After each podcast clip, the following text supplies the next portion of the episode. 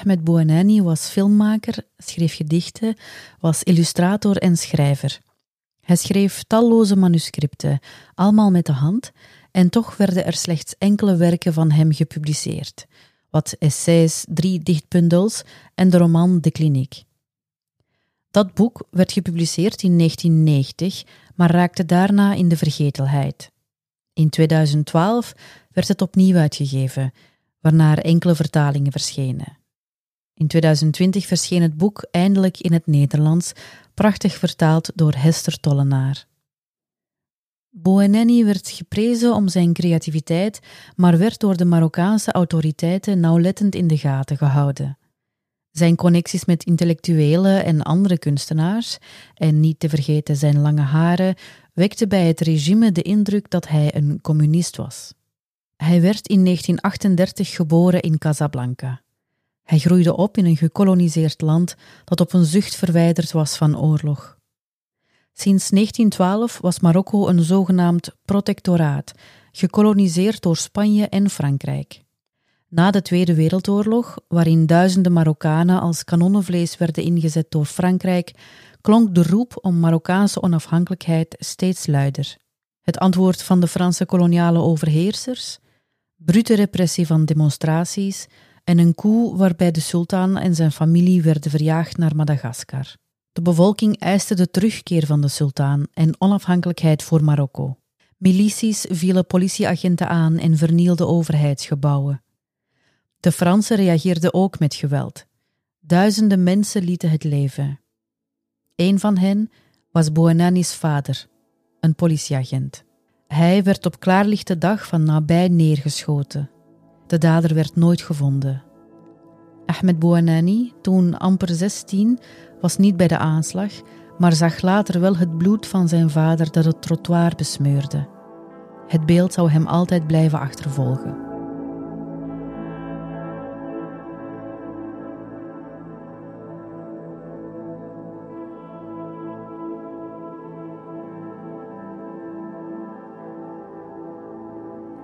Frankrijk, in een wanhopige poging om de chaos de baas te kunnen, haalde de sultan terug. Enkele maanden later verklaarde Marokko zich onafhankelijk. In 1961 trok Bouanani naar Parijs om er te studeren aan het Institut des Hautes Études Cinématographiques. Na zijn studies keerde hij terug naar Marokko. Hij begon er te werken voor het Centre Cinématographique Marocain, CCM, in Rabat, waar hij uiteindelijk 32 jaar zou blijven. De euforie van de onafhankelijkheid duurde niet lang. Na de dood van de sultan besteeg zijn zoon, de beruchte koning Hassan II, de troon. Het regime werd steeds repressiever en dodelijker. Hassan II was een dictator onder wiens bewind duizenden dissidenten stierven. Nog meer mensen werden gevangen gezet, verbannen of verdwenen van de aardbodem. Op nationale televisie verklaarde de koning de oorlog aan de studenten die massaal deelnamen aan de protesten. Sta me toe u te vertellen dat er geen groter gevaar bestaat voor de staat dan de zogezegde intellectueel. Het zou beter zijn geweest als jullie ongeletterd waren, vertelde hij hen. De bloedige repressie van de studentenopstand in 1965 markeerde het begin van de zogenoemde jaren van lood. Onder deze omstandigheden probeerde Boanani bij het CCM ook kortfilms te maken. Maar de directeur, Omar Ghanem, dwong hem telkens om erin te knippen, tot er geen spatje kritiek meer kon bespeurd worden. Bouanani was nogthans nooit een uitgesproken criticus van het Marokkaans regime. Hij had geen interesse in politiek, wel in de leefomstandigheden van de Marokkanen. Het feit dat hij een kunstenaar was, een onderwezen man die met andere intellectuelen en kunstenaars omging, was genoeg voor het regime om hem het etiket communist op te plakken. Toch slaagde hij erin om enkele belangrijke films te maken, zoals Six et Douze en Les Quatre Sources.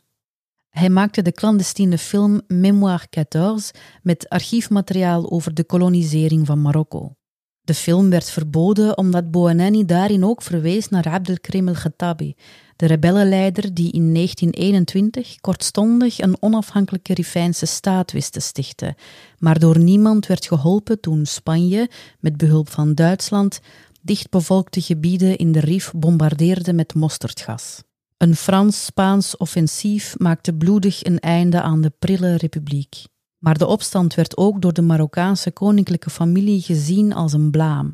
Sinds 1970 was Hassan II begonnen met Marokko intensief te Arabiseren. Vanaf dan mocht niemand nog spreken over de periode voor de onafhankelijkheid. Op zijn orders begon het collectief geheugen van Marokko in 1956.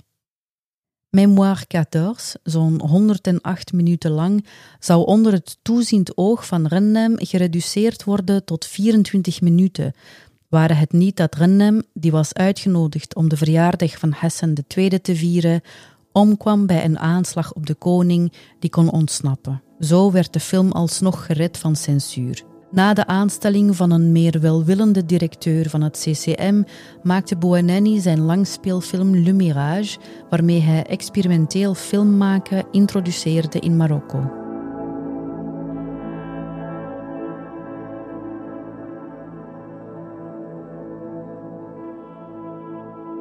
In 1967 kreeg Boaneni tuberculose, waardoor hij opgenomen werd in het Moulay Youssef ziekenhuis in Rabat. Hij bleef er zes maanden, lang genoeg om getekend te zijn door die periode. Zijn ervaringen vormen later de basis voor de kliniek, waarin het ziekenhuis haast mythische proporties aanneemt. Een toegangspoort die spoorloos lijkt te verdwijnen, tropische planten die kriskras naast elkaar zijn geplant in een weelderige tuin van Ede, de tijd die verwarrende kronkels aanneemt, bewoners die dwalen van de ene ruimte naar de andere, zonder hoop op genezing. Soms spoelt er een lijk aan. Het hoeft niet te verbazen dat het boek vaak wordt vergeleken met Kafka's Het Slot, en tot zekere hoogte gaat die vergelijking op. Het slot van Kafka is een metafoor voor bureaucratie of een hogere instantie. De kliniek van Boaneni voor de staat Marokko. De patiënten zijn er aan hun lot overgelaten. Het zijn armoezaaiers, wezen, verschoppelingen.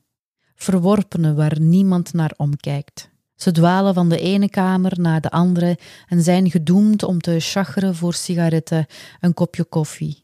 Het is niet moeilijk om te begrijpen wat Boueneni met de kliniek wilde overbrengen. Hij hield van zijn land en van haar inwoners, die moesten leven onder het juk van de ene vrede heerser na de andere, die nooit konden ontsnappen aan hun lot, die dat nog steeds niet kunnen. Maar bovenal gaat de kliniek over het collectief geheugen.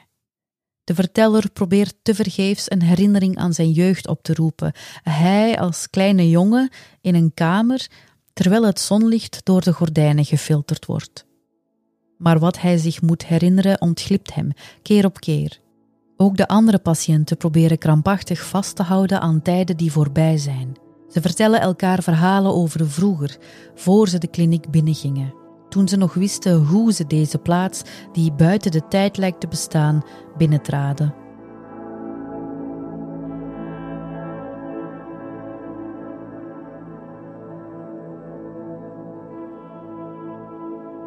In 2003 sloeg het noodlot toe. Boeneni's jongste dochter, Batul, stierf na een ongeluk thuis. Boeneni, op dat moment 65, nam in alle stilte afscheid van het publieke leven. Hij en zijn vrouw Naima verruilden Rabat voor het dorpje Aitomar. Ze lieten alles achter: de kostuums en decorstukken die Naima voor zijn films maakte, filmrollen, handgeschreven manuscripten. Drie jaar later kreeg Boanani telefoon vanuit Rabat. De flat stond in brand.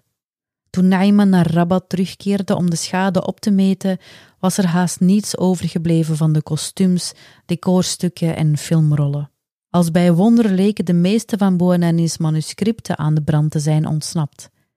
Het geheugen van Boanani, met de hand opgeschreven in stapels papieren, bleef grotendeels bespaard. Het collectief geheugen is een thema dat steeds opnieuw in Boanani's werk aan bod komt. Zo ook in het naslagwerk La Septième Porte, une histoire du cinéma au Maroc de 1907 à 1986. Boaneni spendeerde uren in de archieven van het CCM. Hij bekeek alle films en noteerde alle namen wanneer de credits voorbij kwamen. Dit was het enige boek dat hij echt wilde uitgeven: de geschiedenis van Marokkaanse cinema. Omdat niemand anders het deed, zou hij laten optekenen. maar Boeneni dacht dat het manuscript was vernietigd in de brand.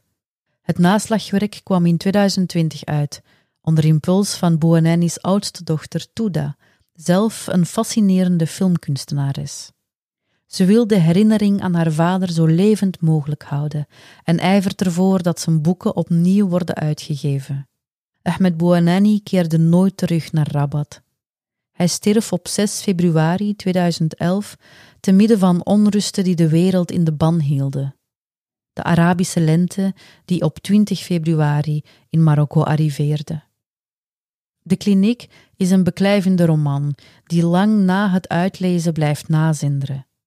Raadselachtig, zonder onderscheid te maken tussen waarheid en fictie, herinnering en droom.